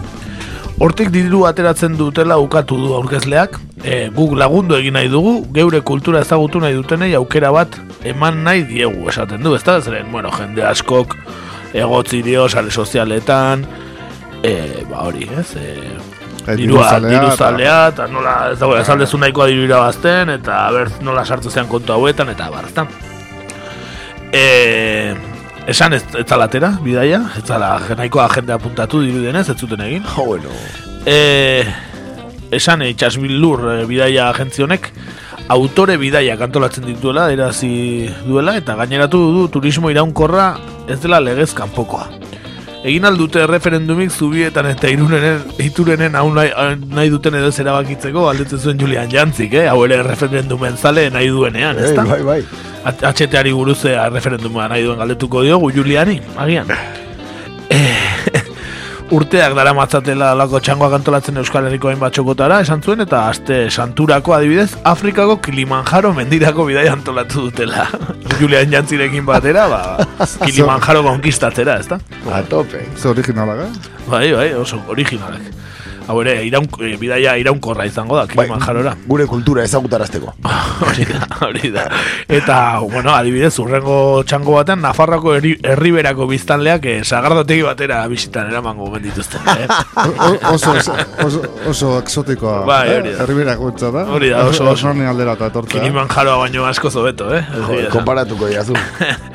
Bueno, ba hori, kontu honek danak, kriston arrabotxa sortu du sare sozialetan, eta ba, aurreko astean izan ziren inauteriak e, zubietan eta iru- iturenen, eta lagun kuadria bat atera zan, bizikletak elkarri lotuta horrela behatzi, hola, badanak batea, baki zuen gauza oso zoroak egite dituzte, bizikletekin, kotxeekin, danetik, ezta? Eta bizikletetan jartzen ba, hori, e, bisita gidatuak, ez? Julia Jantzi aipatuz, ezta? Guzti honek, e, ba, e, guzti honekin, ba, bideo adibidez hori, Galder González ez zabaldu zuen Twitterren, eta elkarrezketa labur bat izan zuen Julian Jantzirekin, eta Julian Jantzik azkenekoz hau esan zion, azkeneko e, txioan. Aholku bat politxa, saiatu gutxiago izorratzen eta amodioa gehiago egiten. Onura egingo dizu, horrelaxe. Ostra, Julian eh, Jantzi. imagine, eh? Imagine Bai, Julian, bai. eh? A tope. Peace and love, ezta? Ui, jo, aiet. Bueno, ba, ez da bai da honen barnean, ari berdinean, arroba indautxukoak, kazetari kanaia, web horri maite eta ezagunaren horriko albiste bat berriro zabaltzeko ahalbidatu zuen. Ba bai, bai, e, eginen lintxamenduan parte hartu zuen konkistatzaia da Julian Jantzi, e, bueno, ETV-ko aurkezle ezaguna, egiko kide izan zen, bai, Eusko Jeltzaleko, ba, bueno, gaztedi edo zar gaztedi horretako kidea, larogeita maikan hasi eta larogeita amairuan, oi hartzun handia izan zuen, egin egunkariaren aurkako kanpainan parte hartu zuelako. Larogeita emezortzean gogoratu ezagun egunkari hori itxi egin zutela. Hori da, eta albiste hau albistean ikusi dezakegunez, badena mila batzen da laro eta amaikan hasi eta laro eta mairuan izan zen, ezta? Laro eta mairuko urtarrian eta batean, eta Jose Antonio Santa Maria hiltzuen, futbolari hoia eta ostalaritzako industria gizona, ezta? Ilabete batzuk lehenago, eginen ikerketa taldeak enpresaria narkotrafikoarekin lotzen zuten informazioak argita- argitaratu ziren, Eta atentatuaren ondoren egun, egun egin egunkariaren aurkako jazorpen eta lintxamendu kanpaina bat jarri zen abian, ba, bai kazetari askoren aldetik, politikarien eta EAJ-ko gazteek ba, protagonismo nabarmena izan zuten e, lintxamendu horretan, eginen aurkako lintxamendu horretan, baina gainera bi urte zera matzaten ja lintxamendu horretan, ez? Laro maikatik zera matzaten, ba, zera maten izen ona galtzeko eta estutzeko kanpaina berezia egiten eginen aurka, eh? eginen aholkularitza juridikoak kerella bat jarri ziren egiko kide hauei, e, egunkariari irainak eta kalumniak egiteagatik. E, izan ere, egin hiltzaileen ahotsa jartzen zuten e, egik sinatutako pankarta batzuk, agertu ziren hegoaldeko hiriburu guztietan eta baita hainbat herritan ere. Eta aldi berean egik egin eta eginen eginek zion etaren bozero, ez? Bozeros de eta bezala, ez? Edo etaren altaboz modura e, e, ba, jartzen zuten egin periodikoa, ba, horrelako esku horri edo panfleto batzuk atera zituen egik bai, ezta? Eta ertzaintzaren aurkako kanpaina baten e, abia puntu edo buru izatea ere egozte zioten e, egini, hauek. Eta hortarako, ba, adibidez, Begoña Kapape, Pablo Muñoz edo Pepe Rey aipatzen zituzten e, kanpaina horretan. Eta zioten kazetaritzaren zintzotasun eskaseko elementutzat jotzen zituzten kazetari hauek, egiko kidek. Eta, ba, laro eta amabiko abenduaren amasian, egiko bozera maile batek patxi agirrek prentxaurreko eman zuen bere alderdiaren kanpainaren berri emateko, ba, eginen aurkako kanpaina emateko, artikuluk e, ba, kazetari kanaiaren e, web horri honetan, periodista kanaia web horrian e, azaltzen da artikulua, garai hartako prentxaurrekoaren argazkia ere bai, eta tituloa da egin etaren aginduatera ari da lanean. Hori jartzen du. Eta argazkian e, patxiagirrez gaina agertzen da Gotzon Bilbao Bizkai buru batzarreko egungo kidea. Eta bestetik, ba, Julian Jantzi berbera. The fuck. Julian Jantzi gazteago bat, eh? Agertzen da. E, esan gotzon Bilbao honek laro eta mairuko otxailaren iruan Bilboko instrukzioko bigarren epaitegian deklaratu behar izan zuela eta argazkian bere ondoan agertzen den Julian Jantzi egiko militante eta gaur egungo ETB-ko aurkezle famatuak ba, Iruñeako epaitegian deklaratu behar izan zuela honegatik, e, ba, egine jarritako kerellaren ondorioz. Laro eta mairu urtearen amaieran, egin kanpaina abiatu eta bi urtera, ertzaintza eginen sartu zen ikerketa taldearen dokumentazioa arpilatzeko, lapurtzeko, alegia, eta bost urtego geroago goratuko duzunez, laro eta mezortziko udan, ba, gartzon epaileak egunkaria etxi zuen, eh? Ene bada, eh? Beraz ez da akonkagoa konkistatu duen, eh? Gauza bakarra Julianek. Ez, ez, el conquistador del fin del mundoko saioko aurkezlea, ba, oikoa da EAJ PNV-ren mitinetan, nola ez, bere gaztarotikan datorkio militantzia, eta, ba, hoietako mitin askotan alderdi, hoieko, ba, aurkezle modura ere egin du, ez da, noski, bere, ba, itzjario bikainarekin, Ba, benetan, pertsonaia bikaina Julian Jantzi, eh? Ostera, Julian, eh? Bai, bai, ez genek gauza guzti hauek, ez da? Eta hemeroteka oso txarra izaten da horrelakota. Eh? Bai, oso oso txar. Esan eh, orain urte ja desente kakaintzunak atea zuela pegatina bat Julian Jantzi sagardotegian txotxe egiten, baina da, sagardoa beharren ume baten txixa zela eta jartzen zuen babaloren bisigarri. Eh, Julian Jantzi, bezalago babaloren bisigarri kakaintzona irratia. Beraz, aspalditik fitxatu da geneukan. Dudari gabe, mendik gure besarka beroena Julian Jantziren Bai, hori da, Kilimanjaron, ea, epel egoten den. Hori da. Ba, hori xe, ekartzeko geneukana. Bueno, eta... bueno, ez da gutxi, ez da gutxi izan, eh? Ez da gutxi izan. Ez da gutxi izan, eta ba, Twitter galdera honi buruz egitea okurritu zaigu, ezta? Bai, e, eta ondorengo galdera, bururatu zaigu. Non antolatu beharko luke ondorengo bizita gidatua, Julian Jantzik. E, lehenengo aukera Marten, e, bigarrena Wuhan, no nola? Wuhan, no. Wuhanen, ez? Hor, koronavirusa agertuan leku horta, ez da? Hori da, koronavirusa eh? konkistatzera. Eh? Ei, ei, Me- merkatuan bertan, ala? Eh? Nun jarriko zenuten? Ba, ja, nantxe, e, fokoa garen erdigunean, ez da, edo, edo eraiki behar duten hiru astetan eraiki orten ospitalean, bertan, agian, eh? Hori da, ez? Sagusa, no da zan? Saguzarran sopa egiten zuten leku famatu hortan, ez da?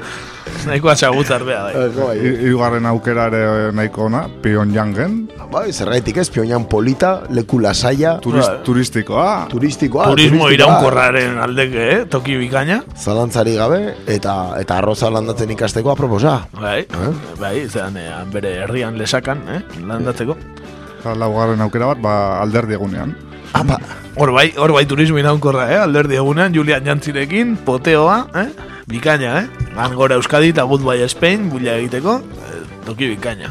duari gabe, bai, euneko, euneko zortziaren euneko bia, eh? eh egiteko han ere, eh? Hori da, hori da, hori da. Hortxe, hortxe da galdera eta eta ea ba, eh?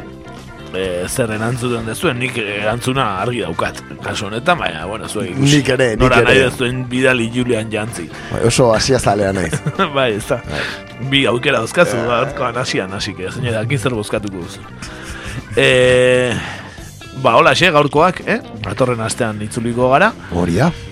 Esan abestioa jarriko degula eta ez degula guk aukeratu. Izan ere, Twitterreko Julian Jantziren ari, kon, ari luze honetan, ba, Bilboko politburo izena daukan kontuak, ba, abesti bat jarri zion Julian Jantzire eskenita eta abesti hori jarriko dugu.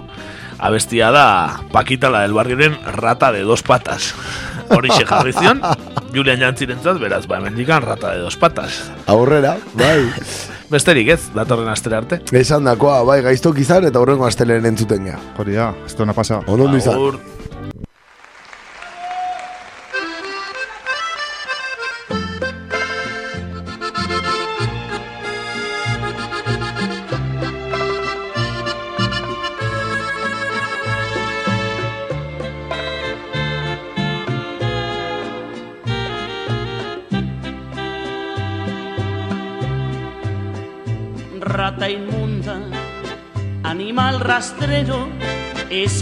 De la vida, adefesio mal hecho. Infrahumano, espectro del infierno, maldita sabandija, cuánto daño me has hecho. Alimaña, culebra ponzoñosa, desecho de la vida, te odio y te desprecio.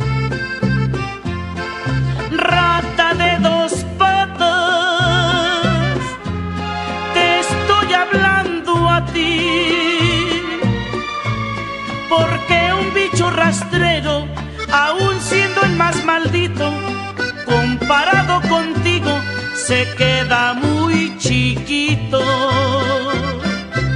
Maldita sanguijuela, maldita cucaracha, que infectas donde picas,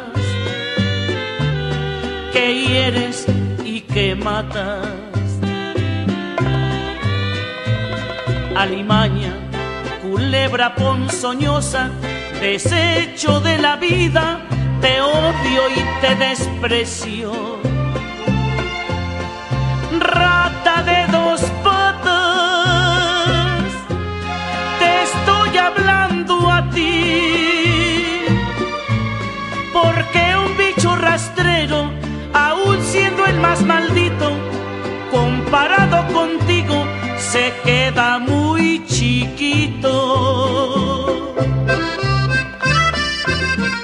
Me estás oyendo inútil, llena del infierno. Cuánto te odio y te desprecio.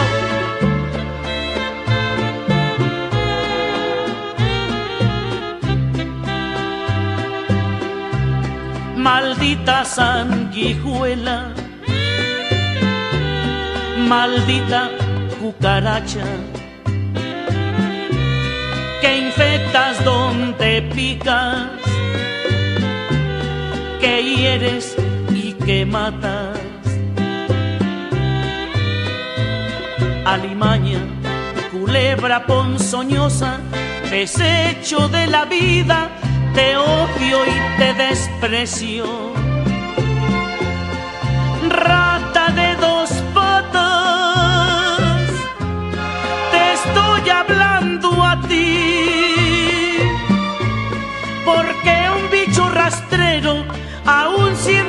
Maldito, comparado contigo, se queda muy chiquito.